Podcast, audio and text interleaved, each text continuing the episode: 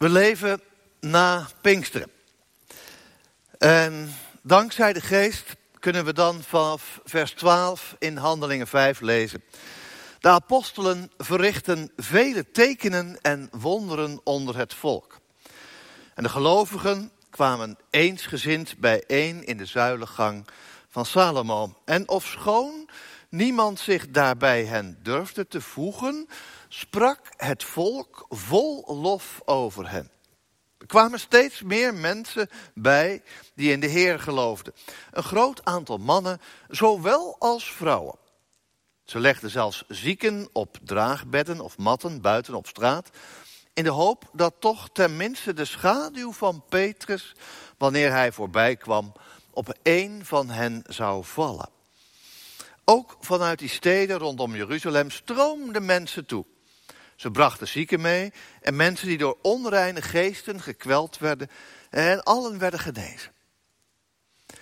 Daarop besloten de hoge priester en zijn medestanders de Sadduceeën in te grijpen. Vervuld van jaloezie als ze waren, lieten zij de apostelen gevangen nemen en opsluiten. S'nachts opende een engel van de Heer echter de deuren van de gevangenis, bracht hen naar buiten en zei: Ga naar de tempel en spreek daar tot het volk over alles wat het nieuwe leven aangaat. Nou, de apostelen gaven daaraan gehoor en ze gingen bij het aanbreken van de dag naar de tempel, waar ze hen hun onderricht voortzetten. Toen nu de hoge priesters en de Sadduceeën gearriveerd waren, riepen ze het Sanhedrin bijeen, die hele raad van oudsten van de Israëlieten, en ze zonden tempelwachters naar de gevangenis om de apostelen te halen. Maar toen de wachters daar kwamen, troffen ze hen er niet aan. En ze keerden terug om verslag uit te brengen. Ze zei, de gevangenis was zorgvuldig afgesloten, de bewakers stonden bij de deur, maar nadat we die geopend hadden, troffen we er niemand aan. En toen het hoofd van de tempelwacht en de hoge priesters dit hoorden, vroegen ze zich vertwijfeld af wat de gevolgen hiervan zouden zijn. Kort daarop kwam iemand zeggen, uh, die mannen die u gevangen hebt gezet, nou, uh, die zijn in de tempel hoor. En ze onderrichten het volk. Daarop ging het hoofd van de tempelwacht hen met zijn wachters halen, uh, zonder geweld te gebruiken, omdat ze bang waren dat het volk hen zou stenigen. En ze namen de apostelen mee, leidden hen voor het Sanhedrin, en de hoge priester begon het verhoor met de vraag: Hebben wij u niet nadrukkelijk verboden die naam nog te gebruiken en er onderricht over te geven. En toch verspreidt u uw leer in heel Jeruzalem en stelt u ons aansprakelijk voor de dood van die man. Petrus en de andere apostelen antwoorden: Ja, maar men moet God meer gehoorzamen dan de mensen. De God van onze voorouders heeft Jezus weer tot leven gewekt nadat u hem had vermoord, door hem aan een kruishout te hangen. God heeft hem een plaats gegeven aan zijn rechterhand. Hem tot leidsman en redder verheven om Israël tot inkeer te brengen en zijn zonde te vergeven. Daarvan getuigen wij. Daarvan getuigt ook de Heilige Geest die God geschonken heeft aan wie hem gehoorzamen. Toen de leden van het Sanhedrin dit hoorden, ontstaken ze in hevige woede. En besloten ze de apostelen ter dood te brengen. Maar toen, toen stond een van hen op, een fariseer, die Gamaliel heette, die als wetsleraar bij het hele volk in aanzien stond. Hij gaf opdracht de apostelen een ogenblik naar buiten te brengen. En hij zei vervolgens, Israëlieten, overweeg nog eens goed wat u van plan bent om met deze mensen te doen. Immers, enige tijd geleden wierp Tuidas zich op als een man die het volk zou leiden En ongeveer 400 mensen sloten zich bij hem aan. Hij werd gedood. Zijn aanhang viel uiteen en verdween in het niets. En na hem was er Judas de Galileër, die ten tijde van de volkstelling met zijn volgelingen in opstand kwam. Ook hij ging ten onder. En al zijn volgelingen werden uiteengedreven. Daarom zeg ik u, houd u afzijdig van deze mensen. Laat ze begaan. Want als het mensenwerk is wat ze nastreven, zal het op niks uitlopen. Maar als het Gods werk is, zult u niets tegen hen kunnen uitrichten. Of het zou wel eens kunnen blijken dat u tegen God strijdt. Nou, de, de leden van het Sanhedrin stemden met hem in en riepen de apostelen weer binnen. Ze lieten hen geeselen, bevalen hun de naam van Jezus niet meer te gebruiken en lieten hen vrij.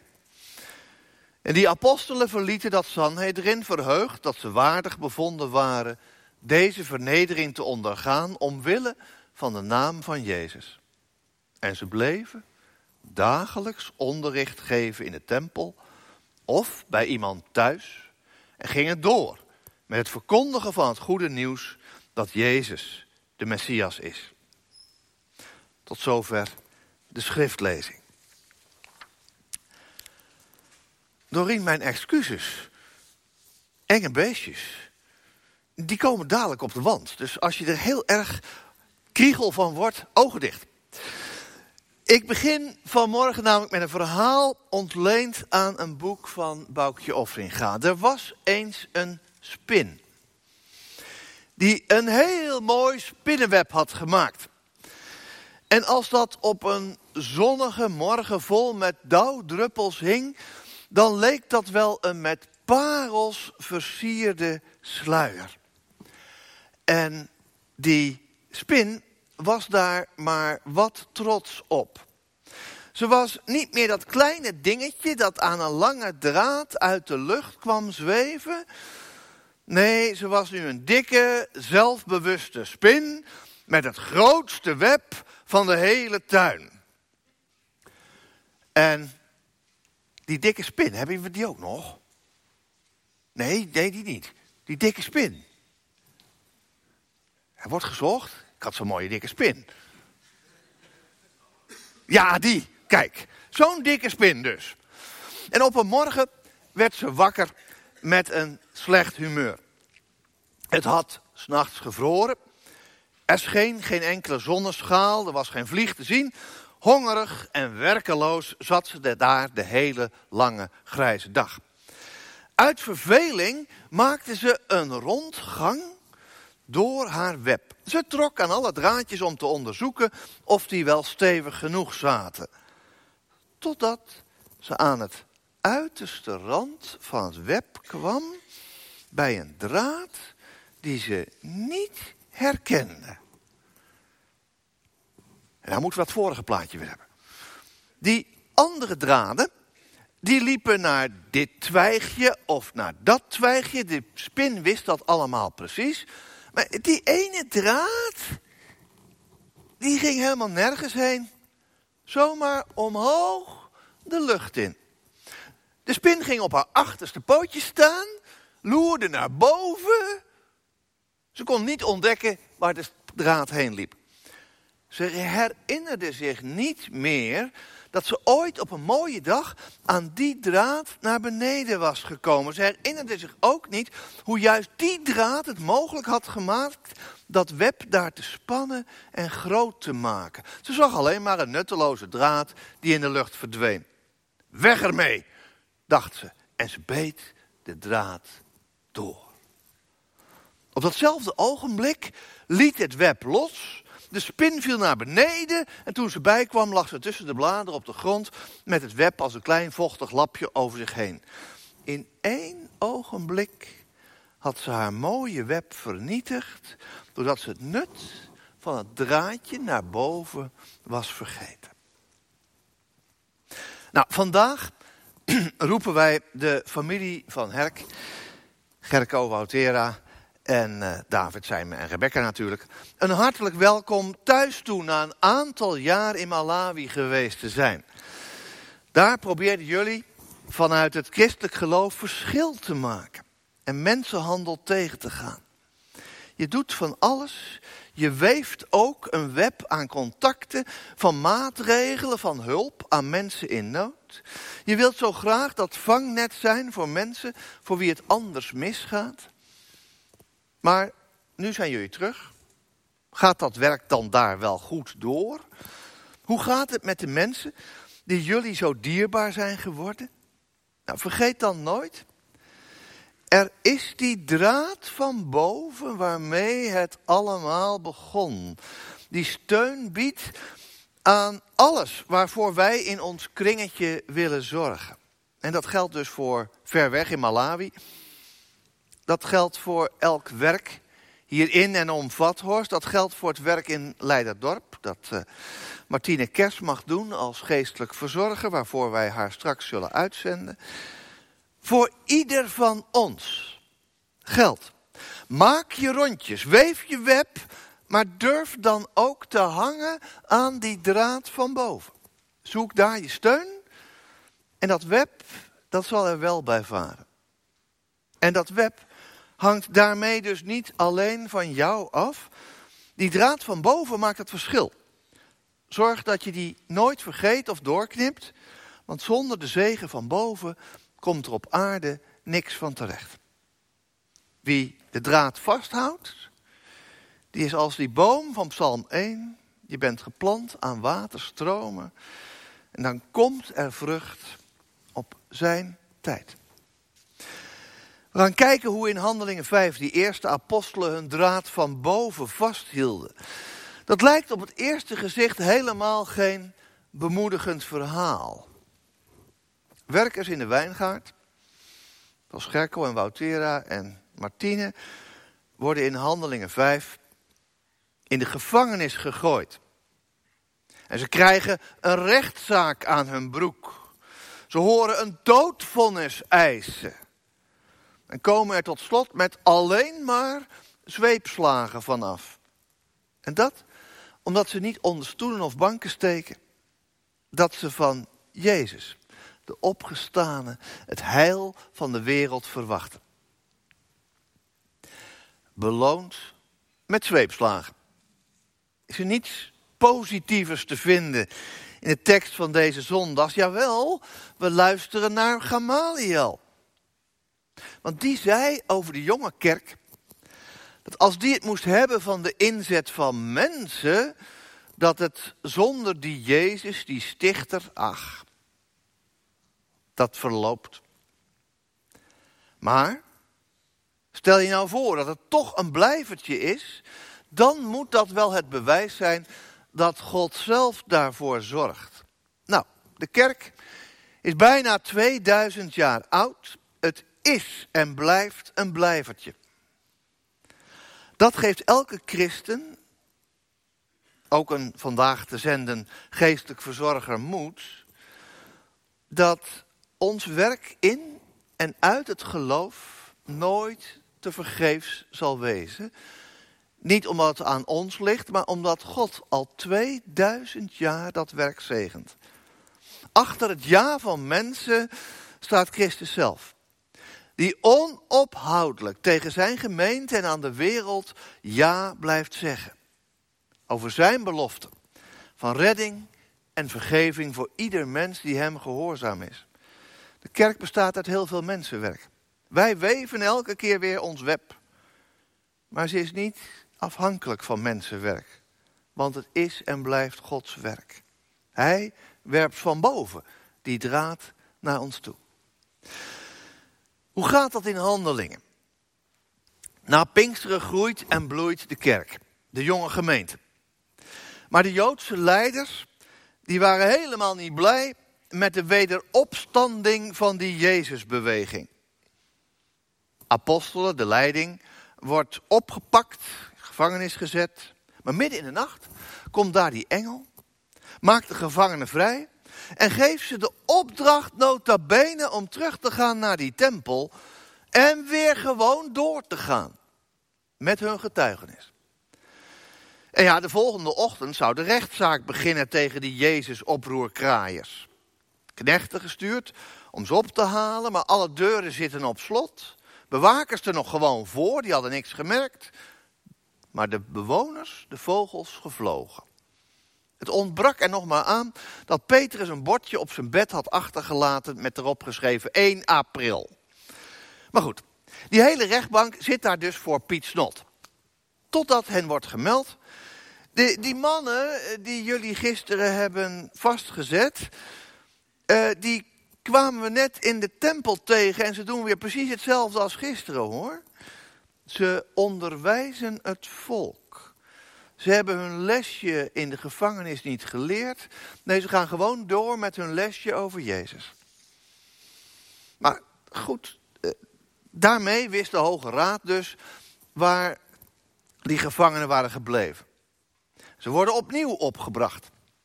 Hadden wij jullie niet verboden die naam te gebruiken? Wat je nou ook vertelt, laat in vredesnaam die Jezus er toch buiten. Laat die man er buiten waarvan wij dachten dat we hem onschadelijk hadden gemaakt. Zijn rol is uitgespeeld, dat weten jullie toch. Maar Petrus neemt het woord en antwoordt, je moet God meer gehoorzaam zijn dan de mensen. Jullie met je verboden, jullie zijn overruled door hoger hand. De hoogste hand. Dacht u nou echt dat die rol van Jezus uitgespeeld was? Vergeet het maar. De God van onze voorouders, ook die van jullie, heeft wat jullie gedaan hebben ongedaan gemaakt. Hij leeft. En niet om wraak te nemen op jullie. Deze Jezus heeft macht om mensen te redden om mensen leiding te geven. Hij wil helemaal niet straffen, maar hij wil ook jullie tot inkeer brengen. Vergeving schenken. En die boodschap mogen wij doorgeven in de tempel en voor het Sanhedrin overal. Nou, die vrijmoedigheid van Petrus maakt de raad dus woest. Ze willen de apostelen om het leven brengen. Gamaliel grijpt in. Hij had inderdaad verwacht dat de dood van Jezus diens achterban wel weg zou laten smelten. Maar hij noemt dan, Lucas uit Handelingen schrijft het op, er was een Tuidas en er was een Judas. Die hadden allebei een behoorlijke aanhang, maar ja, ze wisten het. Toen ze gedood waren, toen bleef er niks van over. En Gamaliel koppelt die observatie aan een door en door Bijbels principe. Als iemand zich presenteert als een profeet, als een boodschapper van God, dan is de enige manier om te zien of dat een bedrieger is of niet gewoon afwachten wat er met zijn boodschap gebeurt. Want als het mensenwerk is, dan loopt het vast. Een Engels spreekwoord zegt: Give him some rope and he will hang himself. Vrij vertaald, geef iemand die je niet helemaal vertrouwt, maar de ruimte om te functioneren. Het zal vanzelf blijken of die zichzelf wel de das omdoet. Zo had een dochter van ons ooit een vriendje waar wij eerlijk gezegd helemaal niet blij mee waren. Mijn vrouw en ik hebben negen maanden lang tegen elkaar gezegd: Give him some rope. Ze komt er wel achter. Het duurde voor ons wel erg lang, die negen maanden. Maar inderdaad, hij deed zich door zijn gedrag zelf de das om. Bij ons ging de vlag uit toen de relatie strandde. Give him some rope. Als het mensenwerk is, zegt Gamaliel, loopt, verloopt zo'n ketterse beweging vanzelf.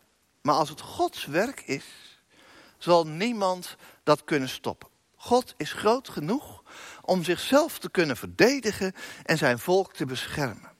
Dat hoeven wij als Sanhedrin niet te doen. Laten we dus afwachten. Broeders en zusters, hoe gaan we het toepassen, dit verhaal vandaag? De vervolging van de apostelen doet je natuurlijk allereerst denken aan de geloofsvervolging die ook vandaag nog in veel landen plaatsvindt. Bij de weekbrief Van deze week was een bericht over een steunfonds voor de kinderen van een christelijke moeder, Bita, uit Iran. De vader geëxecuteerd in de gevangenis. De moeder stierf aan een ziekte. Het gezin had geleden en leidt onder geloofsvervolging. Christen zijn is daar niet makkelijk. Zo zijn er ook verdrukte kerken en gelovigen in China, in Noord-Korea, Saoedi-Arabië, Noord-Nigeria, Somalië enzovoort enzovoort. En daar wordt door onze broeders en zusters God meer gehoorzaamd dan de mensen. En dat wordt hen duur betaald. En toch doen ze het keer op keer. Laten we hen niet vergeten. In de voorbeden, in onze gaven, in ons getuigenis ook over hen. En in de ruimte die we vluchtelingen die hier om het geloof komen willen geven. Tweede toepassing voor vandaag is een bemoediging. Als mensen terugkomen van het zendingsveld of een nieuwe zending binnen Nederland ontvangen, dan willen we ook zo graag weten wat het oplevert. Mogen we er wat resultaat van zien? Luister dan naar Gamaliel. Als de kerk slechts mensenwerk is, dan wordt het niks. Dan is ze al lang en breed in de afgelopen 2000 jaar verdwenen. Maar de kerk en het werk van de kerk is Gods eigen project. Waar wij hooguit onderaannemers zijn. Dat betekent niet dat er niks mis kan gaan. Of tegen kan zitten. De apostelen zaten dus wel gevangen en ze werden wel gegezeld. Maar de boodschap ging door. Omdat God ermee doorging. Jaren geleden woonde ik in Kampen dicht bij het lokaal van het leger des Heils. Een tijd lang hing daar bij de ingang een bordje. U bent gewaarschuwd, dit is geen ideale gemeente. God is hier nog aan het werk. Als je een taak krijgt in de kerk, in het bestuur, in een verzorgingshuis, in de een of andere commissie, of ver weg, in een land als Malawi, of dichtbij, een at home, dan moet je beseffen dat het echt niet allemaal van een leien dakje zal gaan. Ook kruispunt, nou wordt het schrikken, is geen ideale gemeente. Want God is hier nog aan het werk. God zelf schaaft aan ons en aan deze gemeenschap. En dat zal soms moeite kosten. Maar het is wel God die in die gemeente aanwezig is en daaraan bouwt. Dat geeft moed om mee te doen. Derde toepassing. Die Sadduceeën vonden het prima dat de apostelen Jezus als hun redder zagen, zolang ze maar geen andere mensen met zijn naam lastigvallen. Maar dat kan niet. Wie denkt bij God kind aan huis te zijn, veilig en geborgen in zijn liefde en genade, maar er op geen enkele manier de mensen om zich heen van mee wil laten profiteren, die misleidt zichzelf, zegt de eerste brief van Johannes. In hem is het leven niet. Dus als derde toepassing mogen mensen het weten en merken dat u gelooft, niet alleen op zondag, maar ook de rest van de week.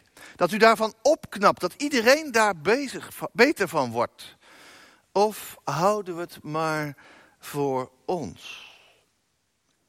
Las op de Scipio-app gisteren dat jullie een wifi-code hebben, Jezus Red. Dat werd uitgedeeld gisteravond voor iedereen die in het Grachtenfestival aan het spelen was. Jezus Red. Nou, hoe mooi kan je de naam van Jezus doorgeven. Ten vierde, laten we toegeven, God meer gehoorzamen dan de mensen kan wel moeilijk zijn. Voor God uit de pas lopen is niet makkelijk. Heel concreet, dat betekent dus niet sjoemelen met zwart geld, vasthouden aan je vrije zondag, dat porno-mailtje wegklikken, op een feestje het zwarte schaap niet meebelasteren, je behoeftes niet laten opfokken door de commercie. Ik zeg dus niks vandaag over Vaderdag. Uh, oftewel, gij zult niet stelen, de Sabbatdag heiligen, niet echt breken, geen vals getuigenis spreken en niet begeren. Die tien geboden zijn nog volop relevant om God meer gehoorzaam te laten zijn. Maar als je bang bent dat God gehoorzaam te zwaar wordt, dan mag ik u verzekeren dat dat reuze meevalt. Dat het vreugde wordt als je door God de eenvoud van het leven zo weer terugvindt. Ik begon met het verhaal van het spinnenweb. Met die draad van boven. Die het web draagt.